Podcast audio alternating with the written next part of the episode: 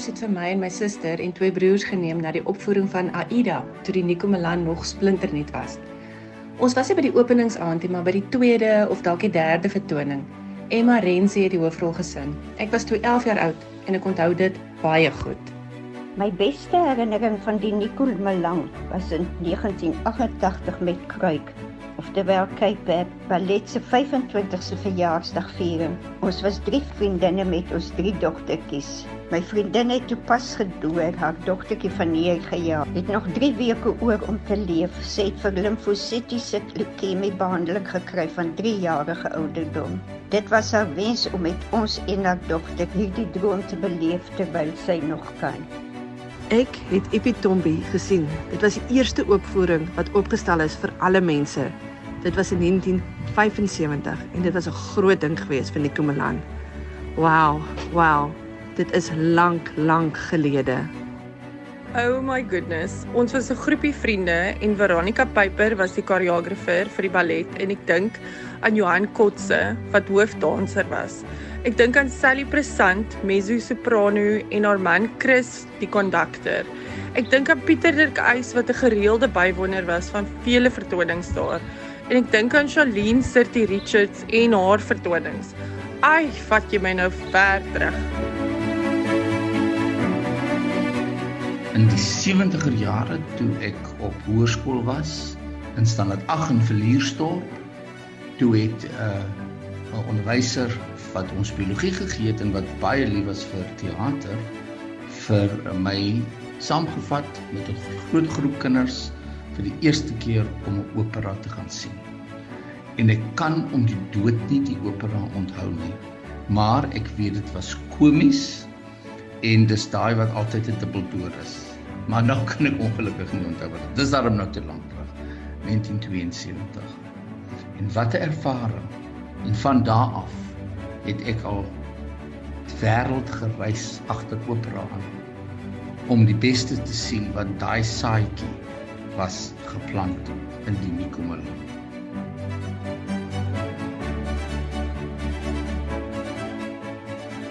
Die stem van Dr Neil Leroux, uitvoerende direkteur van die Stichting vir Bemagtiging deur Afrikaans en voormalige direksielid van die Kunste Kaap Raad en die woorde van RSG luisteraars en hul eerste ervarings van die destydse Nikomelan. 'n Baken van kuns in Suid-Afrika en een van die eerste geboue wat jou verwelkom soos jy die moederstad vanaf die N1 groet. Stil en leeg vir groot dele van die afgelope 2 jaar en tog is daar baie werk gedoen om die kunste soos die afgelope 5 dekades lewendig te hou. Baie welkom by van Nikomelan tot Kunste Kaap. 50 jaar van die kunste in die Kaap. Dr Marlene Leroux, uitvoerende hoof van Kunste Kaap. Oom Nikomelan het regtig besluit hy wil die beste teater hê in die hele wêreld. En in 1968 was daar net sand. Die konstruksie van die teater was uniek, dreineringsput vir seewater, versypeling geen ernstige beserings in die totale bouproses nie. Eerste keer dat vloeibare sement op so 'n groot skaal in die Weskaap gebruik is. Die aantal staalkabels gebruik in die konstruksie van die gebou is meer as 1500 meter kilometer lank. En dan moet ons nie eens praat van die kristal wat hang in Kunste Kaap nie en die soliede gebou. So Nico Melan het besluit. Hy was maar 'n klein mannetjie verstaan ek, administrateurder van die destydse nasionale party, het besluit dat hierdie gebou vir slegs blankes gaan wees. Min wete het hy besef dat hierdie gebou gaan regtig waar 'n storm veroorsaak. Vandag kyk ons terug en hierdie gebou bestaan nog. Louis Heinman, uitvoerende hoof van die Kaapstad Filharmoniese Orkees, deel ook met ons sy eerste indrukke van die indrukwekkende gebou. Ek was weliswaar nie by een van die openingsopvoerings in die destydse Nikomeland teater nie, maar onthou nog hoe deftig ons aangetrek het om opera en ballet in die vroeë jare 70 daarby te woon. Die deftige Italiaanse kandelare en reuse tapisserie in die foyer was destyds indrukwekkend. Die matte is twee keer in die afgelope 50 jaar vervang. Maar die kandelare en tapisserie is nog veilig op hulle plekke. Tot my skande het ek eers later bewus geword daarvan dat die teater in daardie vroeë jare nie oop was vir alle rasse nie. Nou is so iets ondenkbaar. Die feit dat nie meer wit teatergangers destyds woedend en in opstand gekom het oor so iets nie, sê ook veel oor die ongevoelige houding van ons almal 50 jaar gelede. Ons eie divine diva, Aviva Pelham, se eerste herinnering van die destydse Nico Milan was nie as gehoorlid nie, maar as sanger op die verhoog self. My first experience of Artscape was many, many years ago, 50 to be exact, when I made my debut in the role of Norina in the opera called Don Pasquale.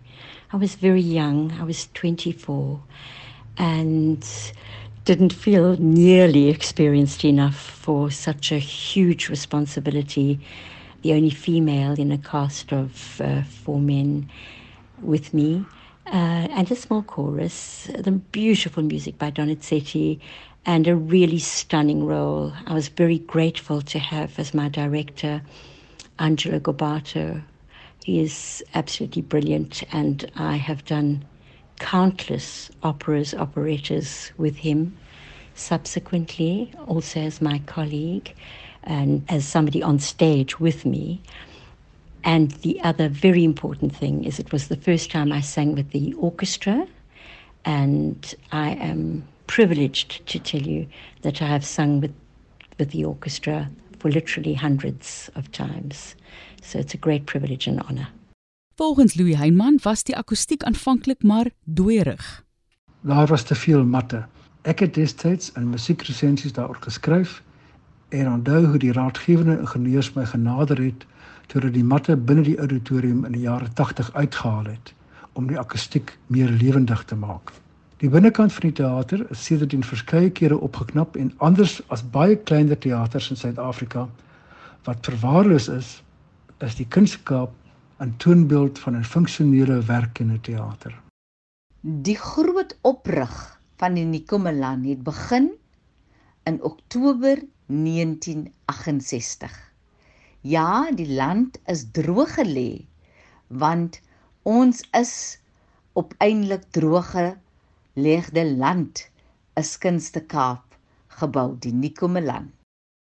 Vir dekades het Suid-Afrika onder meer ook 'n kultuurboikot beleef en stelselmatig oor 'n tydperk van 5 dekades het die gebou 'n ruimte, 'n instelling vir alle generasie, tale en talent geword. Geen teater het die huisgenoot destyds 'n publikasie gehad kan op meer teatrale wyse lewe kry nie.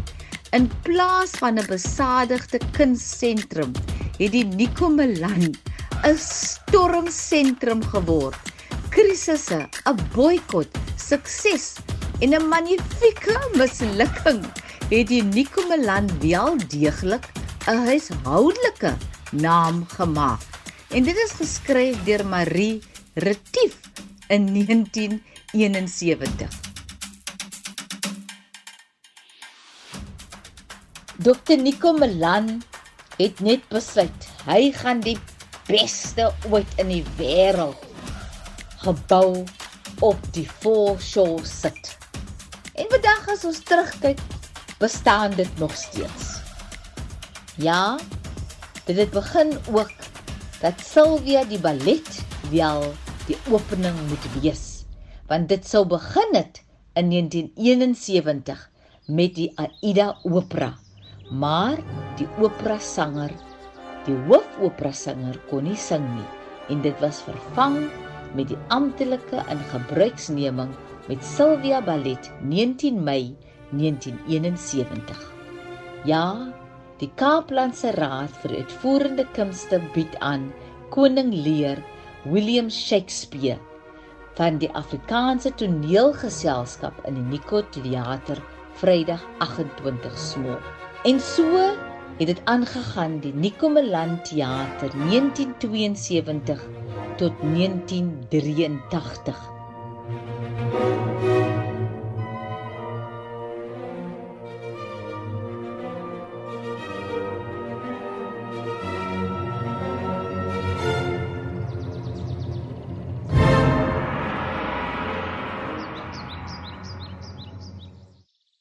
Ek was ook bevoorreg om die transformasie te kan sien ontvou voor my oë. Die voormalige Nikomelan gebou is in 1971 ingewy vir slegs blankes en in 1975 blootgestel vir alle rasse. 'n Uittreksel van 'n onderhoud op Radio Suid-Afrika deur Richard Ingram met die voorsitter van die Kaaplandse Raad vir Uitvoerende Kunste, oftewel Kruik, Theo Maree oor die Nikomelan vir almal projek wat as deel van Kruik se 25ste bestaanjaar vieringe van stapel gestuur is. Ons is absoluut verbaas met die reaksie tot dusver. Ons het 'n uh, maand of 2 gelede reeds begin. Ons het tot dusver ongeveer 9 borge wat deelgeneem het op uh, verskeie maniere. En die reaksie nadat ons bymekaar gekom het van verskeie van die topsakemanne in Kaapstad was dit ons iets baie besonder hier weet het en ek dink ons gaan wonderlike ondersteuning kry. Wat behels hierdie Nico vir almal projek? Basies dat ons die uitvoerende kunste aan almal wil bring. Dit is hoekom die naam Nico vir almal is. En in die aard van die saak kan baie mense bekostig om hier te kom, maar baie meer kan nie bekostig om hier te kom nie. So tot 'n baie groot mate is dit ingestel op minder bevoorregte mense. En omdat ons die uitvoerende kunste wil gebruik as 'n brug in 'n multikulturele land waarin ons woon is daar soveel mense wat andersins nooit hierdie plek sou sien nie. So tot 'n baie groot mate is dit ingestel op minder bevoorregte groepe om die kunste aan almal te bring.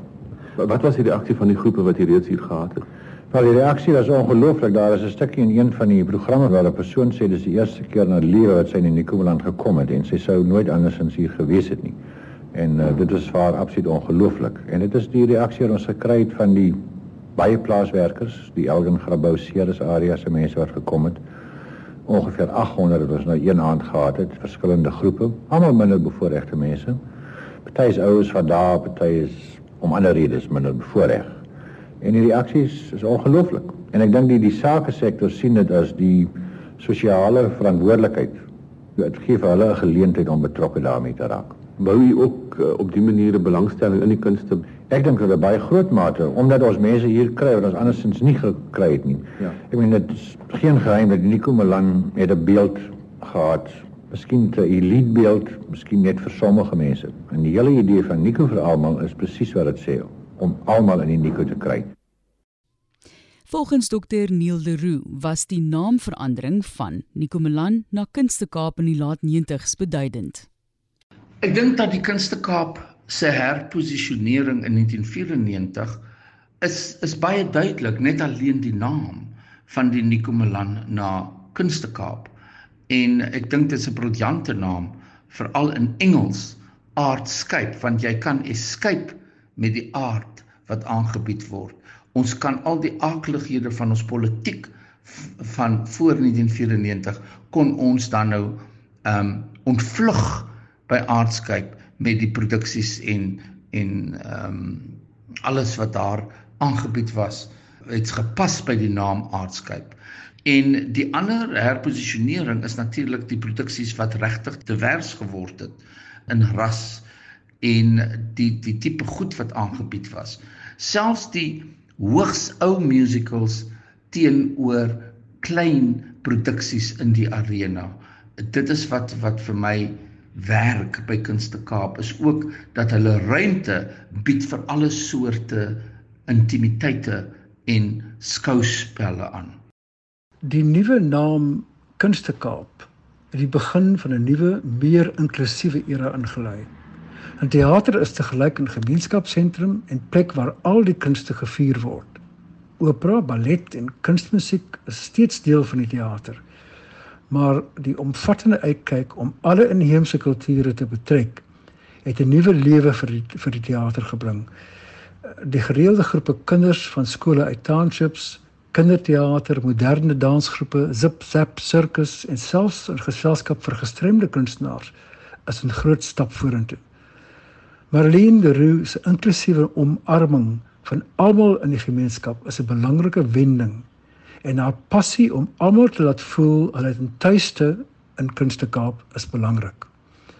Vandag behoort die teater nie aan al die gemeenskappe in en rondom Kaapstad. Louis Heinman onthou ook die hoogtepunte, die groot stemme van die dag. Mense is geneig om die verlede altyd groter en belangriker te onthou as die hede.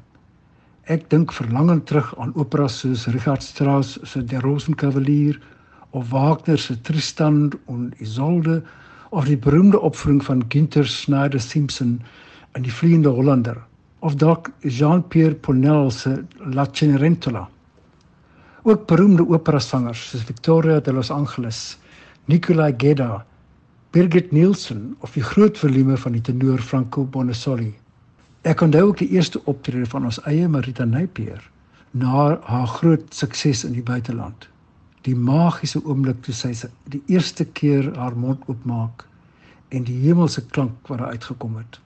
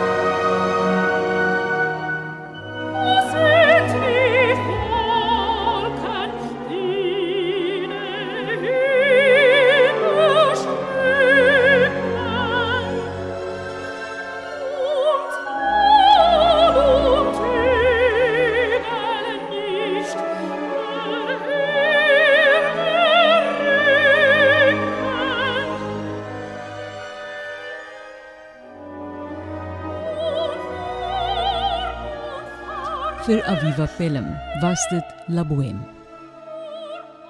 It's always difficult to choose which were the ultimate highlights of one's career because while you're performing something, you're so um, immersed in it and it sort of becomes part of you. But of the literally countless opera roles, operetta roles, and musicals, I think the ones that really shine the brightest are the memories of the role of Musetta in La Bohème, which I performed in about seven or eight different productions and at least 80 performances. It's just the most astounding role for me, and the music is magnificent.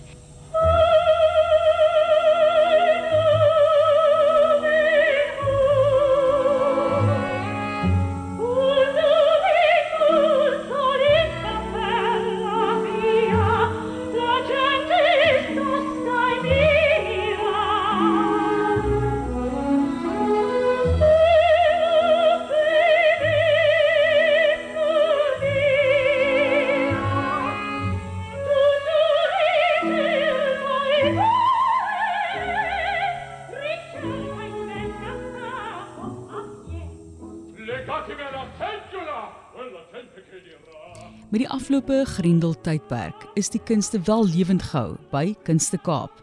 Dr Neil Leroux. Kunste Kaap hou die kunste lewend in die tye in die Grendel tye. Byvoorbeeld 15 Junie die aand het ek gaan kyk na die Parelvissers. En dis dieselfde aand wat ons president toe ons weer teruggesit het in 'n Grendelvlak en Die opera die Parelvissers is daarna nooit weer opgevoer nie, want toe sou daar min mense gewees het in die auditorium. Ek het daar gesit en ek was verstom oor die omvang van die groot produksie. En weet jy, ek sal die Parelvissers nooit vergeet nie op 15 Junie in Kunste Kaap nie. Want daar het dit vir my gewys hulle hou die kunste lewend. Die mense het uitmekaar uitgesit, maar die kaartjies was uitverkoop vir die hele speelvak en tot groot teleurstelling natuurlik was daar nie 'n tweede opvoering nie. Die Kunste Kaap het beslis in die Grendeltyd die kunste lewend gehou en ten minste gehelp dat die werkloosheidsyfer 'n klein bietjie verminder word.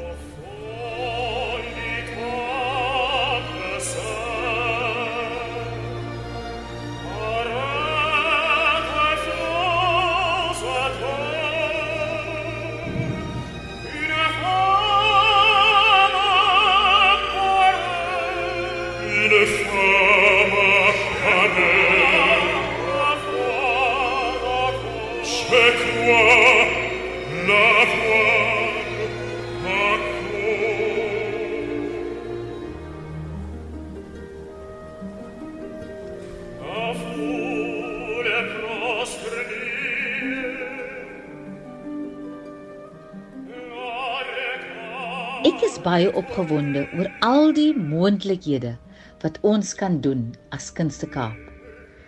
Dit is net ongelooflik belangrik om so volledig moontlik te wees, so inklusief as moontlik, want dit is die aksiestap wat ons moet neem as deel van sosiale kohesie en gelykheid vir almal. So ja, dit neem ongelooflik baie tyd en ons het almal nodig. Dan Natuurlik moet ons ook besef waarmee ons te doen het is so belangrik. Dis 'n voorreg om te sê die nuwe Suid-Afrika moet ons nog saam die hoe en gesamentlik verstaan hoe ons die nuwe Suid-Afrika na ons identiteit as Suid-Afrikaners deur die kunste sal vind.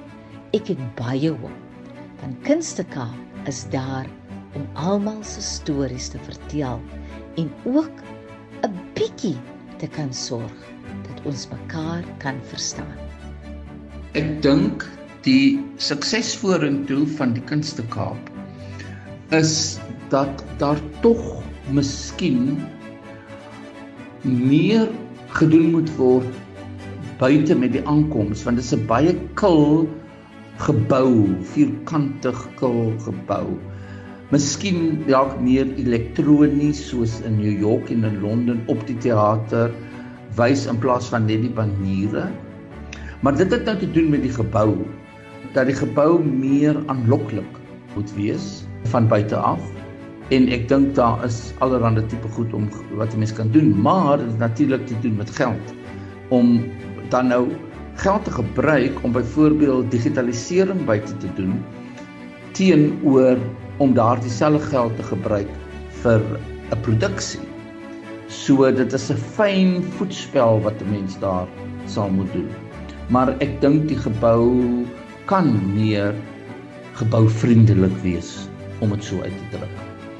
En dan dink ek die sukses vorentoe vir Aardskyk is om hulle mense te behou van die verskillende genres soos die opera, soos die ballet om hulle te behou in hulle ruimte en om dan natuurlik ook aan te bied soos wat hulle nou doen en ek dink hulle wag vir dat die grendeltyd verander dat daar weer groter produksies aangebied kan word maar ook kleiner suksesvolle teatertjies. En wat ek ook baie van hou en ek dink hulle sukses kan meer wees daarmee is die skole programme wat aangebied word om byvoorbeeld uit die Diep Karoo, Mariesburg die matrieks te bring na opvoering van Christus van Map Jacobs en te betaal vir daardie bus en selfs die kinders te laat oornag. Die lekkerste vir my is om te sien hoe die gogos van Guguletu, Kailicha, Ceres Mamasbury, Wellington, die platteland, Menenberg, Bishop Lywes, Grassy Park en natuurlik almal van alle kleure. Durbanville, Constantia oor die hele land. Wynberg, Rondebos, almal in een plek saamkom. En ek voel die vryheid en kunstekaap haal how awesome.